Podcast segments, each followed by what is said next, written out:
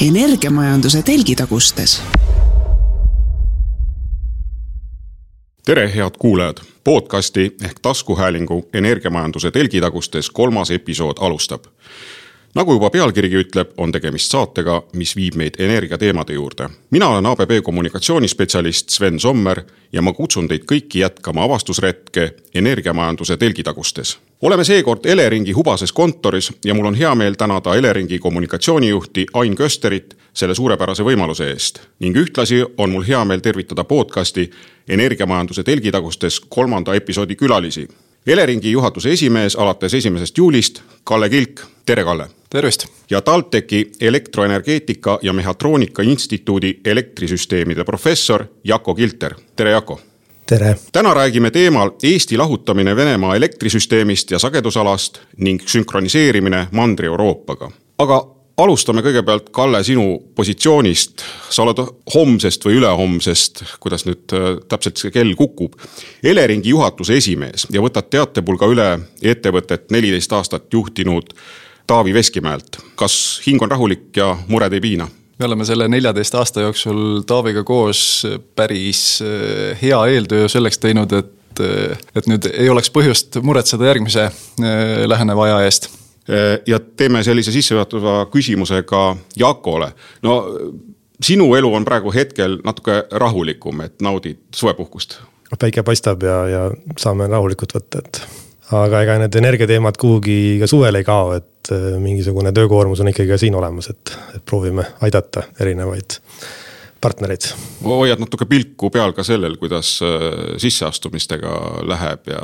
ja eks ikka, et äh, me alati loodame, et äh, noortele pakub valdkond huvi ja, ja aga, aga hetkeseisuga võiks pilt olla parem, eriti arvestades seda, et eriala tegelikult on väga oluline. ja insenere on vaja meil no, jätkuvalt hästi palju, et, et nende väljakutsetega toime tulla kas energiateemade jätkuv ja järjest suurenev isegi olulisus võiks seda huvi kasvatada sinu arvates? no ma arvan, et kindlasti peaks, et äh, iga päev elekter on meil kasutusel ja see, kuidas äh, me seda, kus me seda saame ja mismoodi, et äh, see on kindlasti väga oluline, et järjest enam tuleb meil tuuleparke, päikeseelektrijaamasid ja, ja kõike selliseid, mis, äh, mis nõuavad eksperte. Kalle, kas kuidas Eleringi vaatest see tundub, kas äh, noortest on järjekord äh, ukse taga, kes tahavad teile tööle tulla? Mm, pigem peab ikka ütlema, et järjekord on töödest ukse taga, mis tahavad ärategemist. et äh, meie, me oleme jah, selles mõttes natukene mures ikka selle poole pealt, kui me vaatame, mis Eesti energeetikas järgmise kümne-viieteist aasta jooksul on vaja teha, mis meil endal on vaja teha. aga noh, mitte ainult Elering, vaid et tegelikult energeetika tervikuna, et meil on sügav mure selle pärast, et, et see küsimus ei ole mitte ainult nagu ülikoolihariduses, vaid tegelikult hakkab natukene kaugemalt pihta, et kõikide eh, reaalainete eh, õpetamisest juba põhikoolis, keskkoolis ja huvi, huvist selle vastu, et tegelikult ega energeetikas eh, on võimalik väga edukalt läbi lüüa ka inimestel, kellel on lihtsalt head arusaamised sellest, mismoodi füüsika toimib, mismoodi noh, nagu asjad käivad. et, et neid inimesed me oleme suutnud ka endale juurde appi võtta see vahepealne periood on olnud kuidagi hästi humanitaari hariduse keskne, et, et sellist, sellist tüüpi tööjõu pealt on raske seda ära teha, mis meil tegelikult ees on nii et noored, ärge peljake, valdkond on huvitav, järjest huvitavamaks muutub ja tööpõld on ääretult, ääretult lai.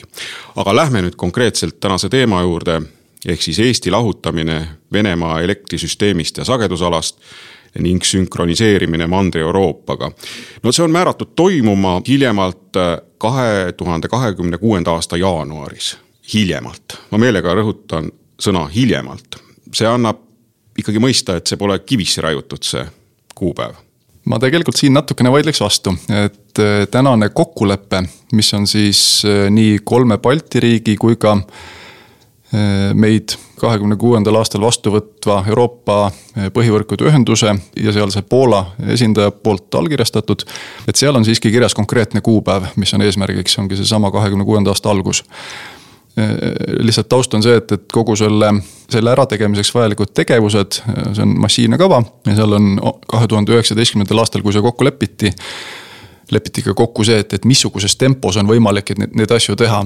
et küsimus ei ole mitte ainult äh, nagu raua ja betooni projektides, noh, mis on liinid, äh, sünkroonkompensaatorid, kõik muud sellised asjad, aga küsimus on ka selles, et, et sinna peale tuleb ehitada teistsugune süsteemi juhtimine, äh, turukorraldus, reservide turud.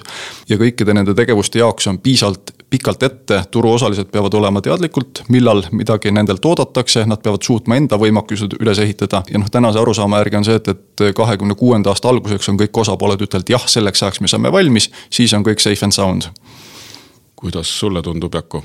kas äh, on võimalik seda piiri varasemaks nihutada või ikkagi tundub see kaks tuhat kakskümmend kuus algus nagu mõistlik ajahorisont? energeetikas nagu ikka, et äh, asjad võtavad aega, et äh, noh, ma isi, ise arvan, et et see aeg on kindlasti mõistlik ja eks Elering ole selle nimel nagu tööd teinud, aga, aga teistpidi jälle, kui noh, lõpuks ikkagi on vajadus, ehk siis seal mingisugune noh, riskidega seotud äh, lahtiühendamine on võimalik, aga lihtsalt siis neid tegevusi ja just see, kas meil elekter lõpuks olemas on, et äh, ma arvan, et. et siin on siis neid vast-, neid väljakutseid nagu rohkem. just arvestades kõiki neid turutingimusi ja, ja ka tehnika poole, et. Äh, et igal asjal on oma nüansid ja ei ole see päris nii lihtne, et teeme homme seda, et. Ja sa mainisid väga olulist sõna risk Eh, riskid on seotud varasema, see varasema lahtiühendamisega, samamoodi need, kes nüüd soovivad seda lahtiühendamist varasemaks tuua, omakorda paljuski põhjendavad ka seda vajadust riskidega. ehk siis geopoliitiliste ja julgeolekualaste ja energiajulgeolekualaste riskidega. kuidas teie tajute, mis need riskid selles kontekstis võiksid olla? kui ma vaatan riski sellest, mis oleks Balti riikide ühenduses olemises Venemaa võrguga, et äh, põhiline risk on tavaliselt alati sõltuvus. et äh, sa tead, et sul mingisuguse olulise tegevuse jaoks keegi teine kuskil mujal saab määrata, kuivõrd edukas see on. ja nüüd äh, see sõltuvus on täiesti teadlikult olnud Äh, planeeritud vähendama põhimõtteliselt nullini aastani kaks tuhat kakskümmend viis aasta lõpp. ja me alustasime ju tegelikult äh, üheksakümnendate alguses, siis kui süsteemid olid täiesti otsast lõpuni omavahel seotud, ütleme, et siis oli see sõltuvus oli väga suur ja me oleme arvestanud, et vastastikune sõltuvus kahekümne viienda aasta lõpuks on sisuliselt null. ja nüüd see üleminek, ta ei ole kuidagi nagu niimoodi, et järsku ühest nulli, vaid et ta läheb äh, graduaalselt. ja kõik need tegevused, mis me siin vahepeal oleme teinud, tegelikult seda vastastikust sõltuvust juba on vähendanud. ja täna me oleme tegelikult sellises olukorras, kui meid ootamatult peaks lahti ühendama, siis sellega kaasnevad äh, riskid me suudame põhimõtteliselt maandada noh, enam-vähem rahuldaval tasemel. ja nüüd vastu tekib küsimus, aga kas me peaksime need mõningased järelejäänud riskid iseendale võtma vabatahtlikult enne seda, kui me oleme vastastikuse sõltuvuse sisuliselt täiesti nulli viinud. Ja selles osas meie arusaam on, et, et me ei näe seda kasu, mis sellest oleks võimalik saada vähemalt tehnilises aspektis mitte, sest see vastastikune sõltuvus juba täna on suhteliselt väike, me Venemaalt eh, balansseerimise teenust enam ei osta, me enda võrk on juba oluliselt tugevam, kui ta oli vanasti. Äh, et ühesõnaga nende võimekus meile haiget teha on täna suhteliselt väike, aga samas juhul, kui me peaksime ennast äh, eraldama, siis sellega mingisugused kaasnevad täiendavad kulud on meile ja väiksed riskid. ehk siis, et vastus on jah, et, et, et neid riske, mida me saaks ära hoida varasema tee sünkimisega, me ausalt öelda ei näe. näeme ainult sellega kaasnevaid täiendavaid riske. ja et noh, ega siin võib-olla teistpidi võiks siis vaadata seda elektrisüsteemide toimimise üldse põhialuseid, eks, et et äh, tavapäraselt, mida tugevamas süsteemis äh, me oleme ühendatud, et seda, seda parem varustuskindlus meil nagu on. et, et noh, sellest vaatevinklist vaadatuna peaks kasutama seda võimalust ju tegelikult ära, et mis meil on.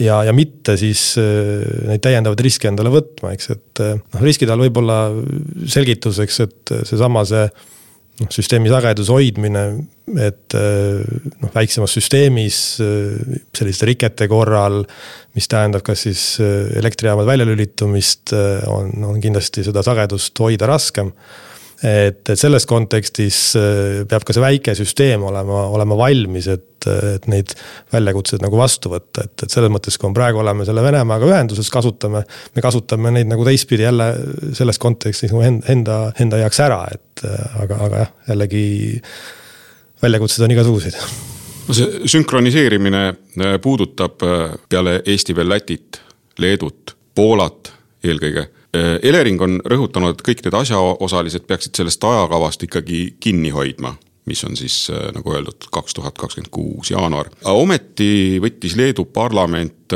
siis tänavu viieteistkümnendal juunil vastu otsuse teha muudatused sealsesse Euroopa elektrivõrguga sünkroniseerimisse, mis äh, võimaldab siis sünkroniseerimise läbi viia kiirendatud korras poolteist aastat enne tähtaega ehk kahe tuhande kahekümne neljanda aasta alguses kuhu on siis meil kõigest äh, pool aastat laias laastus. Äh, mida see Leedu otsus Eesti jaoks tähendab?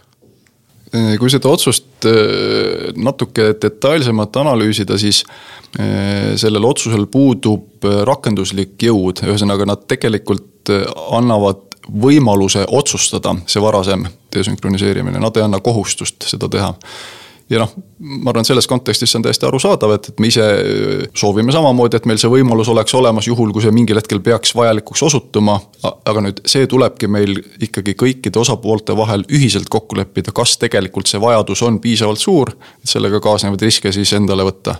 et me tahame kindlasti vältida olukorda, kus üks osapool ennast ühendab süsteemist lahti teise süsteemi ja siis sellega rikub seda Balti riikide ühtset toimimist, sest see, selline olukord oleks kõige halvem üldse, mis saaks tekkida. jah, et ma küll hetkel nii kursis ei ole, et kas Leedu ennast päris üksinda saab äh, lahti ühendada, et. Äh, et aga, aga kindlasti liinid Venemaaga või Valgevenega ühenduses saab ta lahti võtta. aga, aga ma loodan, et ta need ikkagi Läti ja Lätiga ei tee lahti, et, et muidu oleks Lätil ja Eestil selline veel keerulisem olukord, et. no leedulased tuginesid oma otsuse tegemisel, nagu mina olen aru saanud, paljuski Poola energeetika instituudi Gdanski osakonna süsteemi püsikindluse uuringule, mis siis näitas, et äh, Baltimaade elektrivõrkude Euroopa võrgustikuga kiiremaks sünkroniseerimiseks valmistumisel äh, suudab siis süsteem kõigi analüüsitud stsenaariumide korral ohutult toimida juba kahe tuhande kahekümne neljandaks aastaks. kuidas teile tundub, äh, kui vettpidav see poolakate uuring on? Äh, esiteks selle uuringu lõpptulemused tegelikult ei ole veel olemas, et me oleme tänaseks saanud nende esialgse hinnangu, isegi vaheraportit ei ole, aga ma võin olla täiesti nõus sellega, et see uuring on igati adekvaatne, lihtsalt et see näitab sada kaheksakümmend kraadi vastupidist tulemust võrreldes sellega, mida Leedu poliitikud sellest üritavad välja lugeda. ehk siis tegelikult seal on päris mitmes võimalikus stsenaariumis, kui me peaksime ennast kahekümne neljanda aasta alguses Venemaa küljest lahti ühendama, tekib Eesti jaoks tegelikult väga keeruline olukord. Et selles uuringus Baltikum, kui ta suudab jääda tervikuks, siis ei ole probleemi, Baltikum täna tervikuna tegelikult suudab päris hästi hakkama saada. ja kui meil ei oleks ühte pisikest faktorit, et Eesti ja Läti vaheline ühendus sel juhul jääb hästi nõrgaks. siis me oleksime isegi natukene noh vähem mures kõikide nende riskide pärast. meie põhiline mure, mis loomulikult Leedu mure ei ole, on see, et, et mis juhtub Eestiga. et kui Leedu ütleb, et see on tema jaoks aktsepteeritav risk, et Eesti tarbija jääb teatud olukorras ilma toiteta, siis on see arusaadav, Leedu jaoks võib see olla okei okay., meie jaoks ei ole okei okay ja et ma ise pean tunnistama, et, et see uuring on, on niivõrd salajane, et, et välispartnerid sellest äh, veel ei tea, aga, aga kindlasti tehnilises mõttes uuringuid tuleb teha ja, ja vaadata, et mis võimalused on ja mis, mis nagu mõjud on, et. aga siinkohal nende uuringute kontekstis, nagu Kalle siin enne mainis ka, et et lisaks tehnilisele poolele on igasugune turgude küsimused ka, et. et me võime seda süsteemi arvutada ühte ja teistpidi ja saada ilusad toredad vastused, aga, aga kui äh, turud ei ole nagu valmis selleks ja, ja noh, siis tuleb sellest rohkem igasugust nagu jama välja. ja, ja teist poolt äh, ma kindlasti, mulle meeldib, et, et uuringuid teevad ähm, ka Baltikumist väljas olevad institutsioonid. aga, aga ma, mulle väga meeldiks ka see, kui Baltikumi siseselt ka, et oleks selline hea, hea koostöö ja, ja me saaks ka sisemiselt äh, leida need äh, koostööpunktid ja, ja uurida ja, ja siis ma arvan, et äh, kodus know-how omamine on tegelikult ka väga kasulik, et. et kindlasti küsida ka väljast, et see on, on kindlasti hästi, hästi adekvaatne ja, ja saada nagu ekspert nõuannet ka väljast aga, aga ma ise näen, et meil peaks olema endal ka hästi selline väga pädev võimekus uurida selliseid teemasid no Leedu on ju olnud äh, selles osas ülekaalukalt kõige aktiivsem Balti riikidest. kui meenutame, et sealne põhivõrguoperaator Litgrid korraldas tänavu kahekümne teisel aprillil oma elektrisüsteemi eralduskatse, mm, mille käigus siis eraldatigi see Venemaa, Valgevene ja Läti elektrisüsteemidest.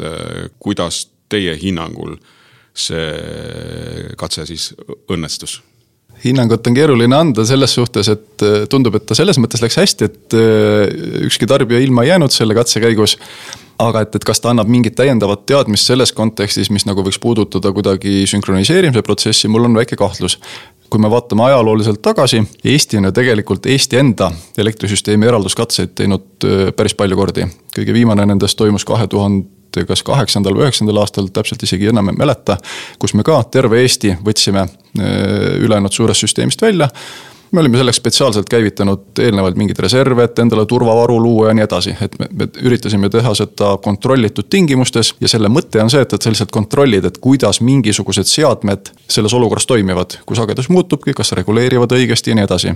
et annab väga head infot selle kohta, missugused on sul olemasolevad võimalused mida see Leedu katse täna ei suutnud adekvaatselt näidata, on see, et mismoodi hakkab toimima süsteem siis, kui me päriselt hakkame sünkroniseerima, sest neid seadmeid kõiki veel valmis ei ole.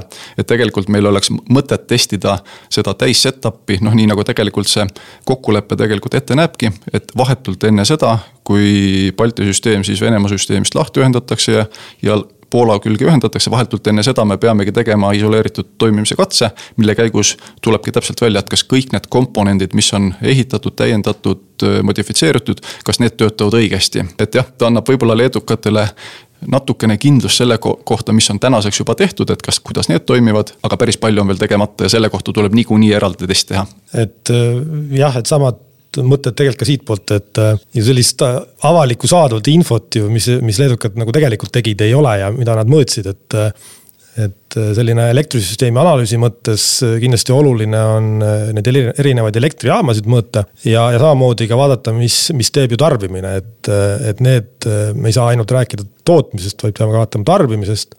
ja aastate jooksul on siin, ma arvan, et nendes elektrijaamades, mis Baltikumis siis on nii Eestis, Lätis kui ka Leedus. Neid täiendusi ja, ja täpsustusi ja igasuguseid asju kõike tehtud. mis siis võimaldaksid tagada seda, et, et meil see süsteem nagu talitleks, et. ja neid elektrijaamasid eraldi on, on ka katsetatud ja, ja sealt on ka mingisugune aimdus olemas, mismoodi nad nagu tegutsevad.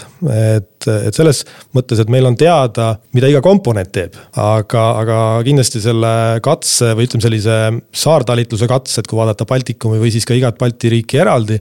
et selle mõte on ka selles, et vaadata, mis siis nagu tervikuna toimub, et ja, ja kindlasti siin nagu Kalle ütles, et puudub nagu lõplik arusaam, mida siis leedukad nagu teada said aga kindlasti see info jagamine nagu Balti riikide vahel oleks ka siin hästi oluline, et.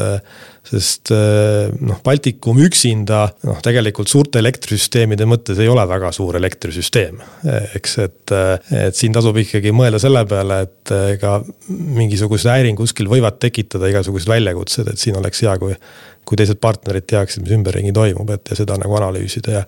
ja tegelikult see infot võiks olla nagu rohkem noh, kui mitte päris avalik, siis võib-olla ütleme niimoodi, et natukenegi rohkem avalik, et, et teada, mis nagu toimub muide täpsustuseks, kas Läti hoiab pigem seda kahe tuhande kahekümne kuuenda aasta alguse joont selles protsessis või?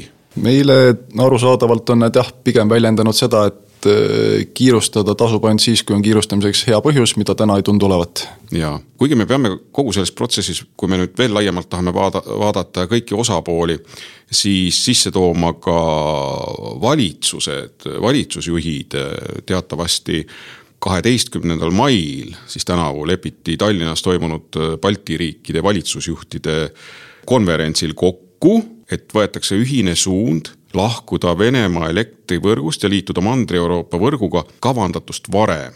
aga täpsustusi seal rohkem ei tehtud, äh, lisati lihtsalt juurde, et äh, tähtaeg oleneb nüüd äh, tehnilistest võimalustest. kas see oli selline diplomaatiline käik pigem, et, et, et nüüd ütleme, leedulaste aktiivsust ja seda tegelikku valmisolekut kahe tuhande kahekümne kuuenda aasta alguses natukene nagu tasandada või kuidas see tundus? ma saan aru, et diplomaatil on tegelikult siin päris suur roll, sest, sest noh, miks, miks meile tundub, et leedukate jaoks üldse oluline küsimus on, et, et neil on kogu selle sünkroniseerimise protsessil on ka siseriiklikult suur väärtus, et noh, me, meil seda võetakse natukene nagu kuidagi võib-olla on õige öelda vähem emotsioonidega, rohkem äh, ratsionaalselt, et see on asi, mida tuleb nagu pikas plaanis teha. aga ta ei tundu olevat niisugune asi, mis nagu annab kuidagi rahvale mingisugust täiendavat tead-, noh, rahulolu, et jah, nüüd on ära tehtud. aga Leedus ta tundub olevat sisepoliitiliselt oluline ja loomulikult tuleb, noh, me saame nendest aru, et kui see on nende jaoks oluline teema, siis loomulikult me üritame neid aidata selles. ja ma saan aru, et ka peaministrite vaheline vestlus tegelikult jõudes sinna, et, et juhul, kui me, kui meil on võimalik seda varasemaks tuua, siis me seda ka teeme. aga see otsus peaks baseeruma siis mingisugusele analüüsile, et, et kas sellega kaasnevad riskid on meile aktsepteeritavad või mitte.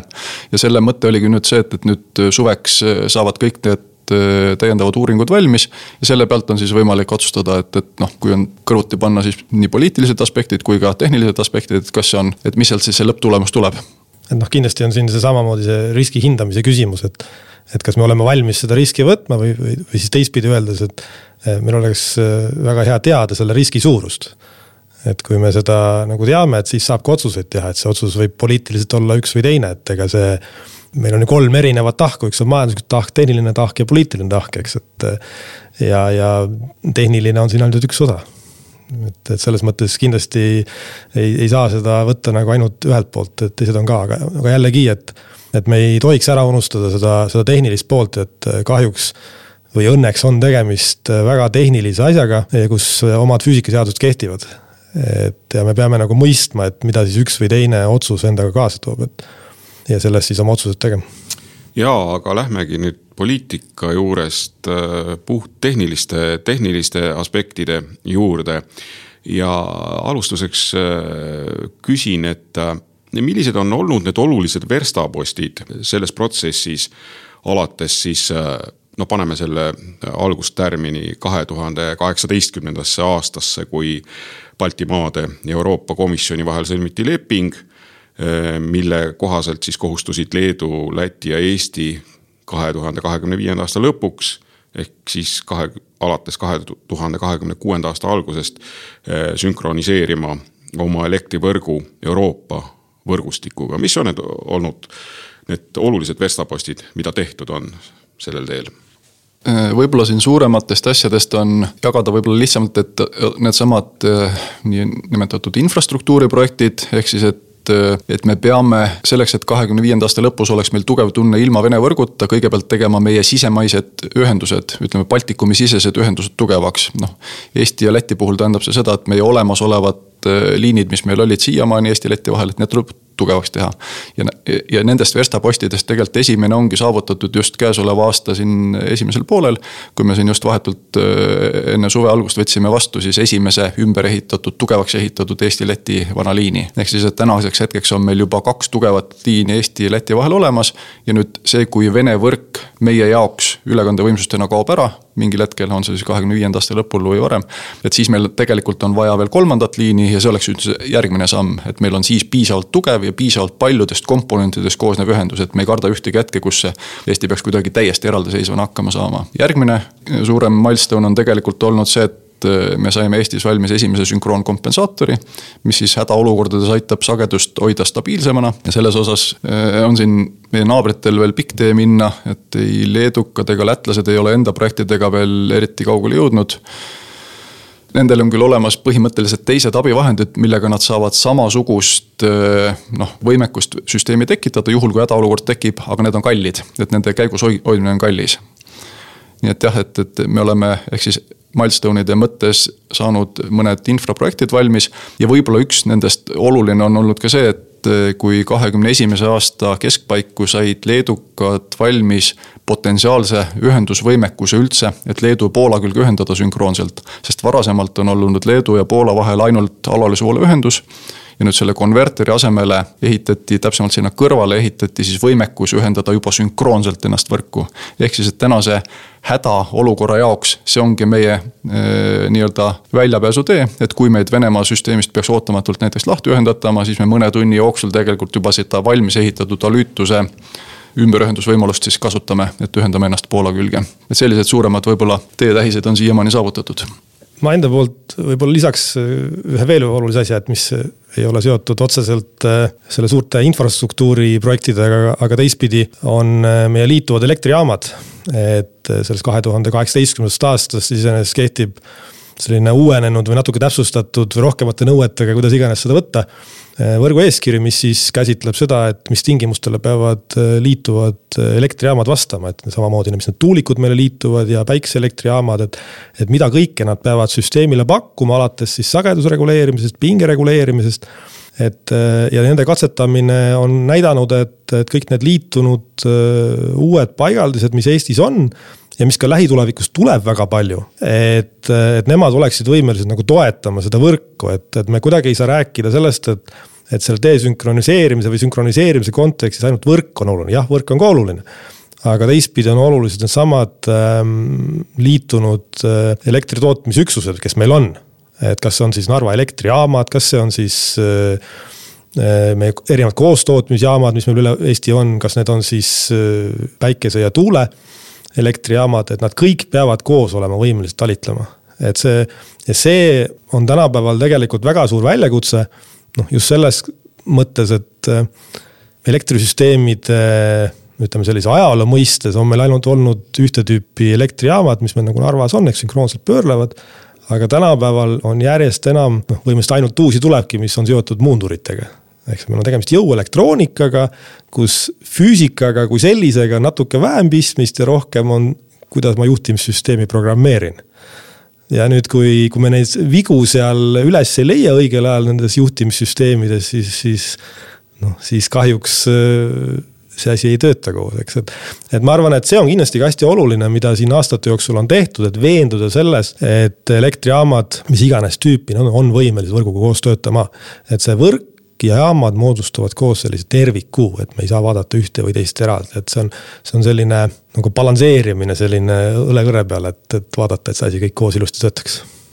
Äh, kui nüüd mõnele kuulajale selgusetuks jäi, et mis see sagedusala on, millest lahkuda soovitakse, siis räägime selle ka siinkohal lahti ja räägime selle lahti niimoodi, et kui tuues sisse Lennart Meri äh, legendaarse mõiste, et ka tädi Maali aru saaks. iseasi, kas Tadimalil sellega midagi peale on hakata, aga jaa, Kalle näitab juba Jako suunas, et äh, palun, professor, sinu lava. võib-olla jah, alustaksime selle meie tudengite bakalaureuseastme esimese, esimese loenguga või kuskil seal ühe, ühe esimestega, et.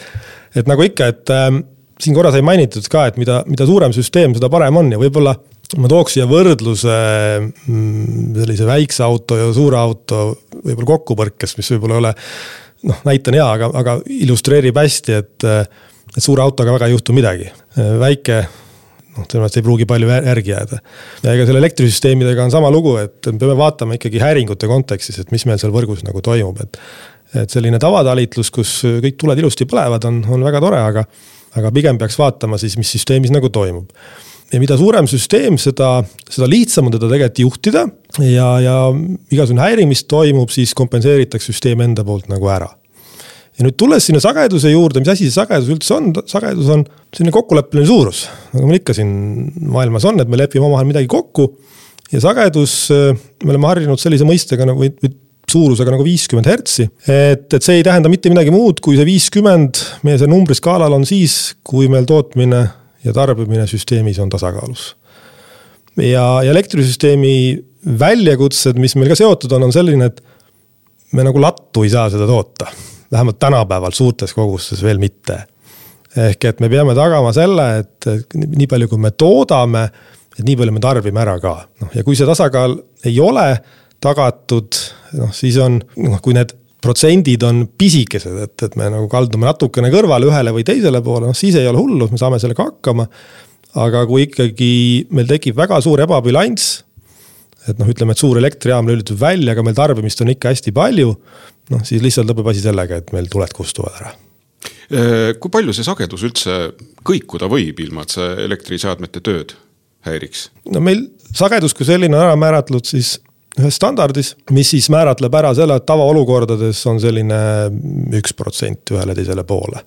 ehk siis noh, kui viiskümmend võtame keskmiseks, siis viis, nelikümmend üheksa pool kuni viiskümmend ja pool on sellised numbrid. avariitalitlus võib ta olla natukene rohkem aga elektrisüsteemi üldises mõttes on ikkagi see, kui, kui me läheneme numbritele nelikümmend seitse ja viiskümmend kolm, et siis see asi enam ei, ei püsi püsti. Et need on, need on need piirid, mis, mida peame jälgima ja siia juurde võib-olla lisada, et milles see oht siis on, et, et võib, võib-olla isegi kõige suurem oht ei ole mitte see, et, et tarbijaseadmed välja lülituvad, vaid et just elektritootjad ise. et need elektrijaamad, kes tegelikult seda sagedust peaksid hoidma, kui nad ise juba vaatavad, et sagedus on väga palju läinud sellest ettenähtust erinevaks, siis need ohutussüsteemid lülitavad nad välja. ja siis juba sellele võibki järgneda süsteemi kollaps, et kui kõik elektrijaamad jäävad puudu, siis ei olegi ühte, ühtegi tarbijat võimalik toita, võib järgneda black out toome sisse ka need tarbimised ja, ja tootmisvõimsused, et nii palju, kui ma olen aru saanud, siis tiputarbimine on Eestis umbes tuhat kuussada megavatti. ja juhitavat tootmisvõimsust on meil pisut rohkem sellest, umbes tuhat seitsesada, nii. et eh, kui suurt eh, tagavara on vaja, kui nii võib öelda et äh, sageduse muutustest, äh, ükskõik kas siis tõusust või langusest äh, tingitud probleeme üldse maandada? jah, kui, kui nüüd vaadata sedasama varustuskindluse küsimust, siis siin on see igipõline debatt selle vahel, et, et kui suurt regiooni me peame vaatama sellena, kus kohas me seda varustuskindlust tagame. et kas me peame kõik Eesti tarbimise katma alati ära Eestis kohapealse tootmisega või siis me loodame suurema süsteemi peale ja tegelikult noh, majanduslik loogika ikkagi, miks need üldse ka need suured sagedusalad tekivad, ongi see, et sellel on väga suur majanduslik väärtus, et sul on võimalik kasutada suuremal alal eh, erinevaid ressursse. ühel ajahetkel on kuskil kandis elekter, elektrit võimalik toota soodsamalt, mingil teisel ajahetkel kuskil mujal. sellest samast, et kui nüüd me nüüd kahekümne kuuenda aasta alguses ühendame Eesti siis võrku, mis siis sisuliselt Eestist kuni Portugalini, noh isegi mingi osa Põhja-Aafrikast on selles samas suures süsteemis. et seal on oluliselt suuremad võimalused, et me leiame mõistliku hinnaga elektri. ja täpselt samamoodi igasuguste häiringute korral, et me leiame abi kuskilt selle häiringu jaoks ehk siis, et me tegelikult Eesti enda tarbimise katmiseks peame küsima, et kui palju meil on vaja siis nii-öelda selle enesekindluse saavutamiseks, et kui välisühendused mingil põhjusel enam ei tööta, on see siis sabotaaž või ma ei tea, maailmakord muutub. et palju meil siis vaja on? palju on? selles ongi täpselt küsimus, et kui tõenäoliseks me seda peame, et Euroopa energiasüsteemid tervikuna ei tööta mingil põhjusel kui me usume sellesse sada protsenti, siis meil ei ole Eestisse vaja mitte midagi, kui me usume, et, et see võib juhtuda väga tõenäoliselt üpris kohe, siis me pigem peaksime olema valmis selleks, et meil on kõik endal olemas mm. -hmm. et noh, kindlasti noh, ajalooliselt ka, et äh, see tegelikult tuleb vaadata nagu loodusressursse, kus meil, mis asjad on, et erinevat tüüpi elektrijaama, ütleme hüdroenergia, kus meil on tuult, kus meil on päikest. või kus on meil mingisugused kivisöemaardlad või põlevkivimaardlad. et äh, need kindlasti ei ole kogu aeg ühes kohas et noh, siin ongi, et mida rohkem neid ühendusi meil erinevate osade või maade vahel nagu on, et tegelikult seda, seda kindlamalt me ennast tunneme. ja seda, sellest tulenevalt ka ajalooliselt on neid nagu ehitatud äh, neid suuri süsteeme just, et kuna ongi, et äh, noh, ühes riigis on hüdroenergiat, teises jälle ei ole. Mm, ja ühes on tuult hästi palju, teises on vähem, et, et kõik need mõjutavad nagu, nagu seda rolli. aga kindlasti ma olen jah nõus sellega, et siin tuleks ära defineerida seda, et, et et kui me, mida kõrgemat varustuskindlust me tahame, seda rohkem me maksame selle eest. et me võime siin ju Eestis ka kõik eh, oma seesama nagu nii palju, kui meil tarbimine on, ära katta, aga. aga ma pigem arvan, et mõistlikum on ikkagi omada välisühendusi ja, ja mingisugune osa tootmisest ikkagi omada ka Eestis jah, et aga, aga võib-olla sada protsenti on.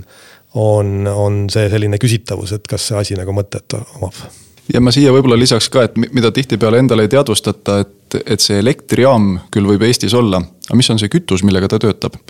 et äh, kas me oleme valmis selleks, et me kogu oma tulevikku baseeru, baseerime puhtalt Eestis oleval kütusel, noh, me kõik teame, et, et siin peale põlevkivi praktiliselt midagi muud ei ole, on tuult ja päikest, eks. Millesse tänapäeval veel ilma efektiivsete salvestustehnoloogiateta me aasta ringi kindel ei saa olla, eks. Et kas, kas me oleme nõus võtma endale selle, et me lihtsalt noh, südamerahu jaoks riskime sellega, et meil looduskeskkond on selline, nagu ta peale põlevkivi kaevandamist on, et mina isiklikult pean seda väga-väga-väga kaheldavaks äh, nagu eesmärgiks, mida, mida täita. ja juhul, kui me kohalikust kütusest enam seda elektrijaama ei toida, siis ju tegelikult ei ole väga suurt vahet, et kas see elektrijaam on meil või on ta kuskil mujal, kui see kütus niikuinii peab globaalselt turult tulema ja kui on energeetika alal suur kriis siis on küsimus, et, et kuidas see kütus sinna elektrijaama jõuab me natuke puudutasime neid noh, nagu mingil määral neid ideaalmudeleid ja reaalset olukorda. milline see energiapilt, energia tootmine teie arvates võiks Eestis no väga laias laastus välja näha, et ütleme nii, et meil on nagu e-, olemas ettekujutus, millise autoga me tahaksime sõita aga me peame arvestama ka, millised on meie teeolud siin Eestis. et sarnaselt sellele, et, et, et milline oleks selline ideaalmudel, mis arvestab reaalsust, kus me asume? ma ise arvan, et, et see suund, kuhu me oleme liikumas, et meil on tuult ja meil on päikest, aga ka siin peaks nagu koguste suhtes nagu mõistlikult vaatama, et Kalle ka mainis, et tegemist on loodusvaraga, mida meil sada protsenti aastast võib-olla ei ole ja, ja kuna meie see looduslikud tingimused on ka sellised, et, et meil on suhteliselt ühesugune tuule jaotumine üle, üle siis Eesti riigi. et, et ei ole selline, et kui ühes piirkonnas on, et siis ei ole, et see, see on nagu selline natukene eripära, mis, mis meil on aga samas ma kindlasti ise arvan, et, et meil võiks olla ka midagi sellist äh, sünkroonselt pöörlevat. et äh, jah, meil on olemas Eestis praegu, mis on gaasi ja, ja mis on masuudiga jah et äh, mis siis on Kiisa avarii reservelektrijaamade näol. Aga teistpidi jällegi noh, Baltikumi kontekstis vaadatuna, et äh, Lätis on meil hüdrot, eks, et seda saab kasutada, et ähm, noh, ja mingisuguses mõistlikus koguses tegelikult ma ise näen, et seda põlevkivi kui reservi võiks meil ikkagi ka olla, et. et, et me oleme seda noh, pikalt kasutanud, jah, selles mõttes on õigus, et et see looduslik tulemus, mis pärast võib-olla karjääridega on, et aga ka seal on, et tuleb nagu seda protsessi vaadata tervikuna ikkagi, et mis siis pärast teha, kui, kui me selle põlevkivi oleme sealt välja võtnud, ära kasutanud. et, et selline miks nagu nende erinevate tootmisüksuste vahel ja samamoodi ka välisühenduste, et, et siin tasuks mõelda noh, räägitud Estlink kolmest, eks, ja, ja võib-olla mingisuguseid variante veel. et, et just seda, et neid alternatiive oleks võimalikult palju jah, võib-olla siia, et, et kui need natukene eristada eh, niinimetatud keskpikka perspektiivi ja päris pikka, et noh, et eh, üldiselt see on ju selge, et, et pikas perspektiivis soovitatakse et me esiteks Euroopa Liit tervikuna oleks sõltumatu oma energeetika tarbimises, et, et need kütused, mis Euroopa Liit kasutab, milleks iganes, peaksid olema võimalikult palju kohalikud. noh, see minu arust lauale toobki ainult äh, valdavas ulatuses taastuvenergia ja, ja ma arvan, et ka see põhimõte, et me tahame tegelikult teha kliima suhtes õigeid otsuseid, et ma, ma arvan, et, et see keskpikk perspektiiv peaks olema see, et, et kuidas me näeme seda üleminekut päris kliimaneutraalsele äh, energeetikale, mis võiks juhtuda seal terve Euroopa kontekstis ilmselt kaks tuhat nelikümmend, kaks tuhat viiskümmend, mitte varem. Eesti küll on endale võtnud eesmärgi, mis on väga-väga-väga ambitsioonikas ja hästi meeldib mulle, et, et me kaks tuhat kolmkümmend peame juba suutma toota samas koguses, kui me ise tarbime, siis aasta lõikes samas koguses toota taastuvenergiat, taastuvelektrit. aga noh, me kõik saame aru, et, et see on tunni lõikes vaadates, see ennast äh, veel välja ei mängi, et, et iga, iga tund oleks meil taastuvenergia pealt kõik kaetud, et sinna on veel pikk tee minna ja noh, sinna üleminekul see keskpikk perspektiiv peabki andma võimaluse tegelikult ära kasutada ka neid noh, nii-öelda minevikust pärit tehnoloogiad, on see siis gaasturbiinid, mis lihtsalt ootavad neid mõnda tundi aastas, kui tegelikult kõiki teisi energia tootmisallikaid kasutada ei saa ja siis toodavad, on see siis põlevkivi, mis iganes. jah, see on selge, et, et meil ei ole võimalik suurt süsteemi töös hoida lähemas kümnes aastas veel ilma selleta, et meil oleks lisaks tuulele ja päikesele süsteemis veel midagi nii-öelda seda, seda viimast kõige tuulevaiksemat ja päikse vaesemat tundi siis katta kuidagi. et, et see, see jah, võtab nagu aega, et me energeetikas tavapäraselt räägime ikkagi mingisugustest perioodist kakskümmend, kolmkümmend, nelikümmend, viiskümmend aastat ja ma arvan, kindlasti üks suur tegur, mida mis tänapäeval on küll veel noh, suure energeetika mõistes lapsekingades, aga, aga mis kindlasti pakub hästi palju uut võimalust, on salvestamine et, et me peame leidma selle lahenduse, et kui meil noh, energiat on palju, aga samal ajal tarbimist ei ole.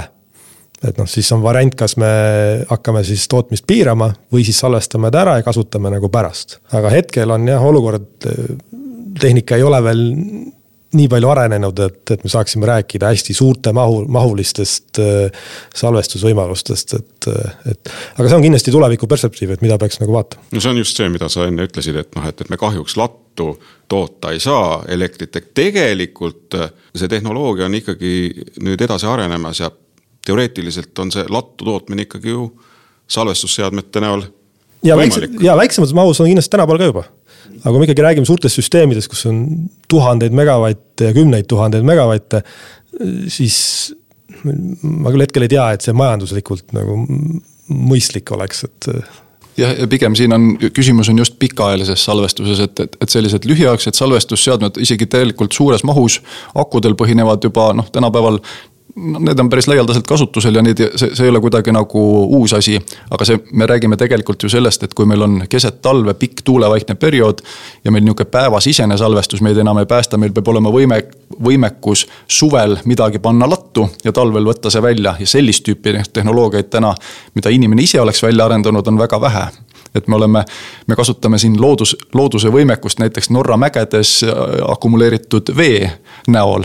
et, et kui sinna talvel sajab kõvasti lund, see sulab kevadel ära ja seal üleval mägedes veehoidlates ta on olemas, siis seda on võimalik kasutada nii-öelda loodusliku puhvrina tuule ja päikeseenergia vastu. ehk siis, et mida rohkem on päikeselisi ja tuuliseid tunde, seda vähem me seda sealt välja võtame ja võtame seda elektrit välja ainult sellel hetkel veest, kui päikest ja tuult ei ole, et ta on nagu nihuke suur looduslik aku. Aga meil puudub jah võimekus samas grandioosses mastaabis ise inimesena midagi tekitada. Noh, ja Norra puhul ja looduse puhul saame ka ainult loota, nagu on viimased aastad näidanud, võib minna nii ja võib minna ka naa. tuletame nüüd veel korra meelde, millised on need järgmised suured tegemised, kui me võtame praegu ikkagi arvesse seda tärminit kaks tuhat kakskümmend kuus algus selles protsessis. ehk siis desünkroniseerimise ja sünkroniseerimise Äh, protsessis. Nendesamade infrastruktuuriprojektide poole pealt siis juba käima läinud kolmanda Eesti ja Läti vahelise uue liini, vabandust, isegi mitte uue liini, vaid olemasoleva liini ümberehitamine uueks. et selle projekti peame ära tegema. me oleme seda juba kiirendanud võrreldes esialgse, esialgse plaaniga, aga ometi võtab see poolteist aastat aega vähemalt.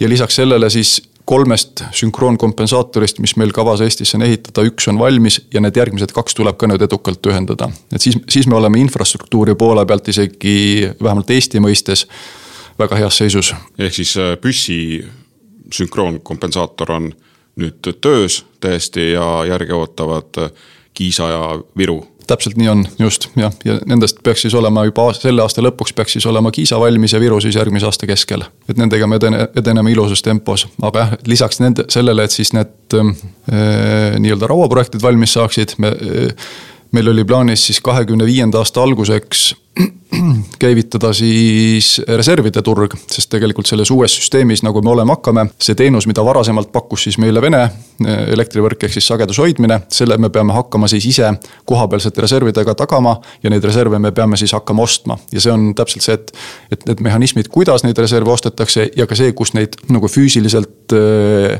tekitatakse, et nendele me tekitame siis kahekümne viienda aasta alguseks sellise testperioodi.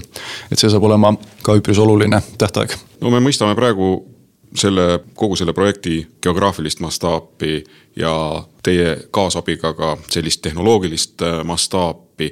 aga kui palju see projekt üldse maksab ja kes selle, kes selle kinni maksab, milline see rahastamismudel on? Äh, kui me liidame kokku kõik asjad, mis on siis lisaks Eesti investeeringutele, päris palju tehakse ju tegelikult Lätis, Leedus ja ka Poolas kõik need asjad kokku infrastruktuuri investeeringutena oli algses eelarves suurusjärk üks koma kuus miljardit eurot ja sellest siis Eesti osa umbes kolmsada miljonit.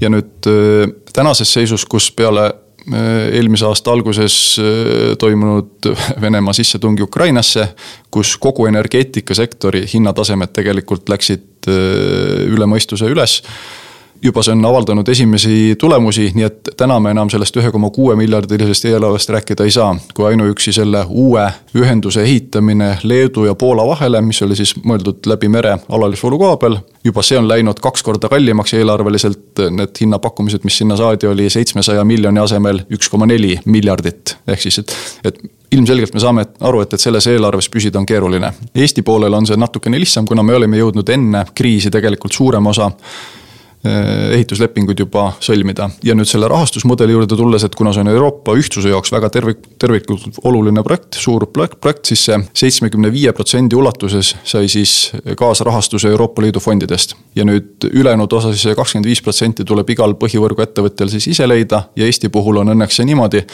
et selle jaoks on meil olemas ähm, ülepiirilisest kaubandusest pudelikaeltest tekkinud äh, tulu, mida siis on, mis ongi ette nähtud selleks, et me selle arvelt arendaksime riikidevahelisi ülekandevõimsusi. ja kuna me selle raha, noh, mis ei tule enam elektritarbija taskust, vaid see tuleb tegelikult elektribörsilt. selle raha saame siis kasutada ülejäänud kahekümne viie protsendi jaoks, mis tähendab siis seda, et investeeringuna see Eesti tarbijale ei lähe mitte sentigi maksma. nüüd lõpupoole tüürides mm, tahan küsida kas lõpptarbija selle projekti mõjusid ka kuidagi omal nahal tunneb? tavaline inimene? ma arvan, et põhiline lõpptarbija jaoks on see, et, et tal tuli laes põleb äh, niimoodi, et ta ei peaks kartma selle pärast, et, et ta kuidagi hostiilse naabri tõttu ühel hetkel kustub. ja ma arvan, et see südamerahu võib-olla ongi see, mis nagu sellega koos saavutatakse. ja et ma olen, ma olen siin Kallega nõus, et, et sellist võib-olla otsest väljundit on, ongi raske välja tuua, et aga, aga aga pikas perspektiivis ikkagi peaks, peaks olema see, et äh, meil tuled jätkuvalt põlevad. Äh, niisiis veel kord, kas saame rahulikult magama minna kõigil nendel õhtutel, mis on jäänud noh, ütleme X päevani? ma arvan, et energiasüsteemi poole pealt keegi küll oma unekvaliteedis ei peaks kannatama. ja, ja ma, ma olen ka nõus, et, et siinkohal äh, insenerid ja, ja kes meil siin Eestis ja Baltikumis on, teevad selle nimel tööd, et, et see kõik niimoodi jätkuks igati tavapäraselt. aitäh, aitäh saatesse tulemast, Eleringi peatne juhatuse esimees siis alates ülehomsest, Kalle Kilk mm. -hmm, aitäh ja TalTechi Elektroenergeetika ja Mehhatroonika Instituudi elektrisüsteemide uurimisrühma professor Jako Kilter. aitäh, aitäh, aitäh., tänan teid sisuka vestluse eest ja samuti kõiki kuulajaid ja meie podcast'i jälgijaid ilusat päeva ja kohtumiseni järgmistes podcastides iga kuu viimasel neljapäeval. Energiamajanduse telgitagustes